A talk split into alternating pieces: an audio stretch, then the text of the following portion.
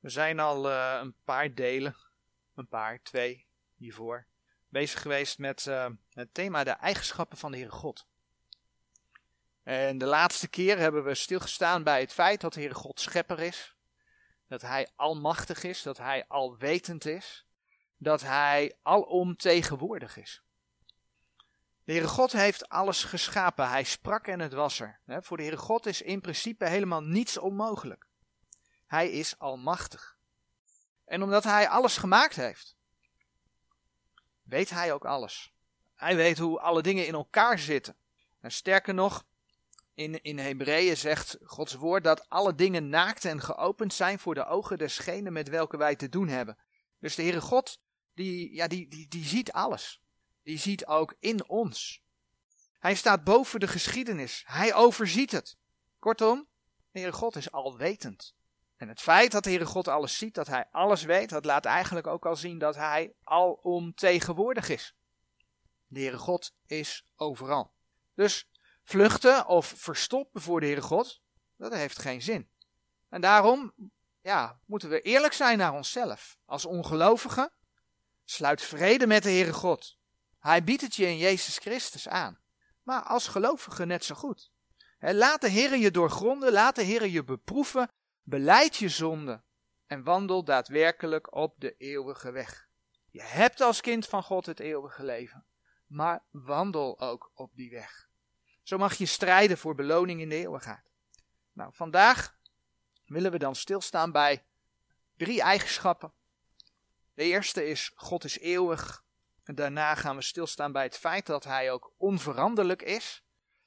En als laatste staan we vanmorgen stil bij het feit dat hij licht is. De laatste keer hadden we dus met name over eigenschappen waar het woordje al voor staat. Almachtig, alomtegenwoordig, alwetend. Maar er is er nog eentje waar het woordje al voor staat. En dat is het woordje altijd. Want de Heere God is er ook altijd. En een ander woord daarvoor is, hij is eeuwig. En het eerste vers wat we daarover willen lezen vinden we in Deuteronomium 33. Deuteronomium 33, vers 27. En in Deuteronomium 33, vers 27, daar lezen we, de eeuwige God, zij u een woning en van onder eeuwige armen. En hij verdrijven de vijand voor uw aangezicht en zeggen, verdellig. Nou, het gaat me natuurlijk nu om het, e-, het eerste stukje. De eeuwige God zij u een woning. Die eeuwige God heeft geen begin en heeft ook geen einde, alhoewel hij wel, en dan bladeren we naar openbaring, openbaring 1 vers 8, hij wel het begin en het einde genoemd wordt. In openbaring 1 vers 8, daar lezen we, ik ben de Alpha en de Omega, het begin en het einde, zegt de Heere, die is en die was en die komen zal, de Almachtige. Ja, en dat begin en dat einde, dat brengt ons weer bij de Schepper. En dan bladeren we terug naar Colossense, Colossense 1, vers 16 en 17. Want alle dingen bestaan tezamen door Hem. Colossense 1, vers 16 en 17 spreken daarover. Want door hem zijn alle dingen geschapen die in de hemelen en die op de aarde zijn. Die zienlijk en die onzienlijk zijn. Het zij tronen, het zij heerschappijen. Het zij overheden, het zij machten. Alle dingen zijn door hem en tot hem geschapen. En hij is voor alle dingen. En alle dingen bestaan tezamen door hem. De schepping zoals wij die kennen is met de Heere God begonnen. Maar die schepping, zoals wij die nu kennen, eindigt ook met hem. Als na duizendjarig vrederijk de laatste opstanding onder leiding van de duivel plaatsvindt, dan zendt de Heere God vuur van de hemel. En daarvan lezen we in Openbaring 20, vers 9. Openbaring 20, vers 9. Dat is een vers die die laatste opstand van de duivel beschrijft. En zij zijn opgekomen op de breedte der aarde en omringden de legerplaats der heiligen en de geliefde stad. En er kwam vuur neder van God uit de hemel en heeft hen verslonden. Maar dat is het moment dat het laatste oordeel gaat plaatsvinden. Dat lees je ook daarna. En als dat laatste oordeel geweest is, dan komt die nieuwe hemel en die nieuwe aarde. En 2 Petrus schrijft daar ook over. 2 Petrus 3 vers 10. Maar de dag des Heren zal komen als een dief in de nacht, in welke de hemelen met een gedruis zullen voorbijgaan, en de elementen branden zullen en vergaan, en de aarde en de werken die daarin zijn, zullen verbranden.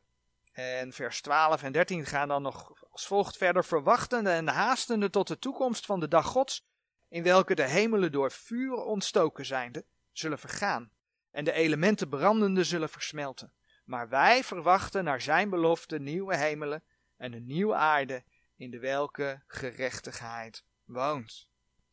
Nou, we waren net al in de openbaring. Openbaringen 21 en 22 schrijven natuurlijk over die nieuwe hemel en die nieuwe aarde. En we lezen bijvoorbeeld in, in openbaring 21 vanaf vers 3. En ik hoorde een grote stem uit de hemel zeggende, zie de tabernakel Gods is bij de mensen en hij zal bij hen wonen. En zij zullen zijn volk zijn en God zelf zal bij hen en hun God zijn. God zal alle tranen van hun ogen afwissen en de dood zal niet meer zijn.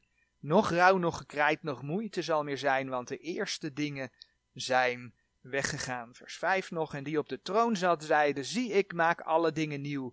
En hij zeide tot mij, schrijf, want deze woorden zijn waarachtig en getrouw.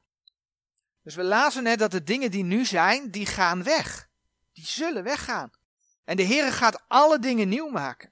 En die woorden, daarvan zegt hij, die zijn waarachtig en getrouw. Dus ja, hij is het begin en het einde van deze schepping. Maar daarmee staat hij direct ook aan het begin van datgene wat hij nieuw maakt. En als je in Jezaja 9 vers 6 gaat kijken, dan zie je dat dat koninkrijk van gerechtigheid zich eeuwig zal uitbreiden. Dat duurt eeuwig. Hetgene wat God nieuw gaat maken. En in openbaring 22 vers 5 krijgen we daar ook een, een inkijk in. In openbaring 22 vers 5 daar staat en al daar zal geen nacht zijn en zij zullen geen kaars nog licht der zon van noden hebben. Want de Heere God verlicht hen en zij zullen als koningen heersen in alle eeuwigheid. In alle eeuwigheid. God is er altijd. Hij is eeuwig. Zijn koninkrijk van gerechtigheid zal in eeuwigheid duren. Nou, een tekst die ook over Gods eeuwigheid gaat, vinden we in Psalm 102. Psalm 102, vers 28. Die psalm die zegt, we lezen vers 27 er zo bij. Die psalm die zegt over de aarde en de hemelen die nu zijn het volgende. Vanaf vers 27. Die zullen vergaan. Maar gij zult staande blijven en zij alle zullen als een kleed verouden. Gij zult ze veranderen als een gewaad en zij zullen veranderd zijn. Maar gij zijt dezelfde en uw jaren zullen niet geëindigd worden. Dus deze aarde en hemelen zullen veranderen, ja, die zullen vergaan, maar de Heer is dezelfde. Hij verandert dus niet. God is onveranderlijk. En dat is dus opnieuw een eigenschap van de Heere God. En als we daar uh, Jacobus 1 vers 17 bijpakken. Jacobus 1 vers 17, daar lezen we. Alle goede gaven en alle volmaakte gift is van boven. En van de Vader der lichten afkomende, bij welke geen verandering is of schaduw van omkering. Dus alles wat er nu eenmaal is, zal eenmaal weg zijn, maar de Heer God blijft. En omdat Hij dezelfde is, omdat Hij onveranderlijk is, bij welke geen verandering is of schaduw van omkering, zullen zijn beloften ook blijven. Oftewel, die nieuwe hemel en die nieuwe aarde waarop gerechtigheid woont, zal er komen. Nou, uit de studies die we gezien hebben over Gods handelen door de tijd heen, over het recht snijden van Gods woord, weten we dat Gods handelen met de mens wel wijzigt. Maar dat heeft hij wel geopenbaard in zijn woorden. En dat woord van God, laten we naar 1 Petrus, 1 Petrus 1, dat woord van God is nu juist ook hetgene waarvan de Heer zegt dat het blijft. En ook dat het onveranderlijk is. 1 Petrus 1, vers 23. Gij die wedergeboren zijt, niet uit vergankelijk, maar uit onvergankelijk zaad, door het levende en eeuwig blijvende woord Gods, door het levende en eeuwig blijvende woord Gods. Want alle vlees is als gras en alle heerlijkheid des mensen is als een bloem van het gras. Het gras is verdord en zijn bloem is afgevallen. Maar het woord des Heren blijft in der eeuwigheid. En dit is het woord dat onder u verkondigd is. Maar hoe kan dat nou? Want we komen in de schrift plekken tegen waar geschreven staat. Toen berouwde het de Heren. Nou, een voorbeeld daarvan vinden we in Genesis 6, vers 6. In Genesis 6, vers 6, daar staat geschreven: Toen berouwde het de Heere dat hij de mens op de aarde gemaakt had, en het smartte hem aan zijn hart. Ja, dat staat dan toch maar wel geschreven. Nou, dit gaat over de boosheid van de mens, die het startsein gaf voor de zondvloed. Want die wordt in Genesis uh, eh, 7 en 8 en zo, en, en nou, 9 is dan het verbond met Noach, maar wordt in Genesis 7 en 8 beschreven. Heeft God dan toch spijt? Verandert hij dan toch? Nou, God zelf verandert niet. Hij is de heilige God die de zonde niet kan zien en daarmee afrekent. Dat zien we ook in de zondvloed. Met andere woorden, wat we hier lezen, dat is een stukje van Gods handelen met de mens, waarin hij zijn plan uitwerkt. Maar zodra hij dat vastgelegd heeft in zijn woord, dan komen we bij de profetieën, dan staat dat, dan staat dat vast. Zijn profetieën komen 100% uit. Zijn genadebeloften staan. Want God is onveranderlijk. En in Romeinen 11, dat is een mooie tekst daarover. Romeinen 11, vers 29. Daar lezen we dan ook. Want de genadegiften en de roeping Gods zijn onberouwelijk. Nou, als laatste willen we in dit uur dan stilstaan bij het feit dat God ook licht is. In Jacobus 1, vers 17 zagen we al heel even dat de Heere God de Vader der lichten genoemd wordt. De Vader der lichten. We hebben het erover gehad dat de Heere God heilig is. Dat er geen zonde in hem is. Dat hij rechtvaardig is. Dat betekent dat hij ook recht door zee is. De Bijbel zegt dat hij de goddeloze niet rechtvaardigt en dat hij uh, de rechtvaardige niet verdoemt. In hem is geen onrecht. Maar de Heere God wordt dan ook wel het licht genoemd. En een voorbeeldvers in 1 Johannes 1 vers 5. En in 1 Johannes 1 vers 5, daar staat geschreven. En dit is de verkondiging die wij van hem gehoord hebben en wij u verkondigen. Dat God een licht is en gans geen duisternis in hem is. God is licht omdat hij zo puur is, maar ook omdat hij heel eenvoudig gewoon het licht zelf is. Over de Heer Jezus staat bijvoorbeeld in 1 Timotheus 6, vers 15 en 16 geschreven. 1 Timotheus 6, vers 15. Welke te zijner tijd vertonen zal de zalige en alleen machtige Heere, de koning der koningen en Heere der heren, die alleen onsterfelijkheid heeft en een ontoegankelijk licht bewoont de welke geen mens gezien heeft, nog zien kan. Welke zij eer en eeuwige kracht. Amen. De Heer Jezus bewoont een ontoegankelijk licht, waardoor geen mens gezien is of gezien kan worden. En dat doet denken aan, aan Mozes. En toen de Heer in, eh, tegen Mozes in Exodus 33, Exodus 33 vers 20 zei, Gij zoudt mijn aangezicht niet kunnen zien, want mij zal geen mens zien en leven. Een ontoegankelijk licht. Toen Mozes op de berg met de Heere gesproken had en hij kwam terug, daar hebben we nog niet zo heel lang geleden ook bij stilgestaan, toen glinsterde het vel van zijn aangezicht dusdanig dat de mensen er bang van werden. En Mozes moest zijn gezichten bedekken. Dat lees je in Exodus 34, vers 34 en 35. Toen Paulus op weg was naar Damascus, omscheen hem een licht van de hemel. Handelingen 9 staat dat geschreven. Toen de Heer Jezus met hem sprak, toen werd Paulus blind, totdat hij drie dagen later genas. Handelingen 9 vers 3, vers 8, vers 9, vers 17. We lazen het al in openbaring, maar de Heere God verlichtte de mensen op de nieuwe aarde. Bladeren we naar openbaring 21. Het nieuwe Jeruzalem dat naar de nieuwe aarde zal afdalen, heeft geen zon en maan nodig, zegt Gods woord omdat de heerlijkheid van God haar verlicht. En dan lezen we in Openbaring 21, vers 23 en 24. En de stad behoefde de zon en de maan niet, dat zij in dezelfde zouden schijnen, want de heerlijkheid Gods heeft haar verlicht en het lam is haar kaars. En de volken die zalig worden, zullen in haar licht wandelen.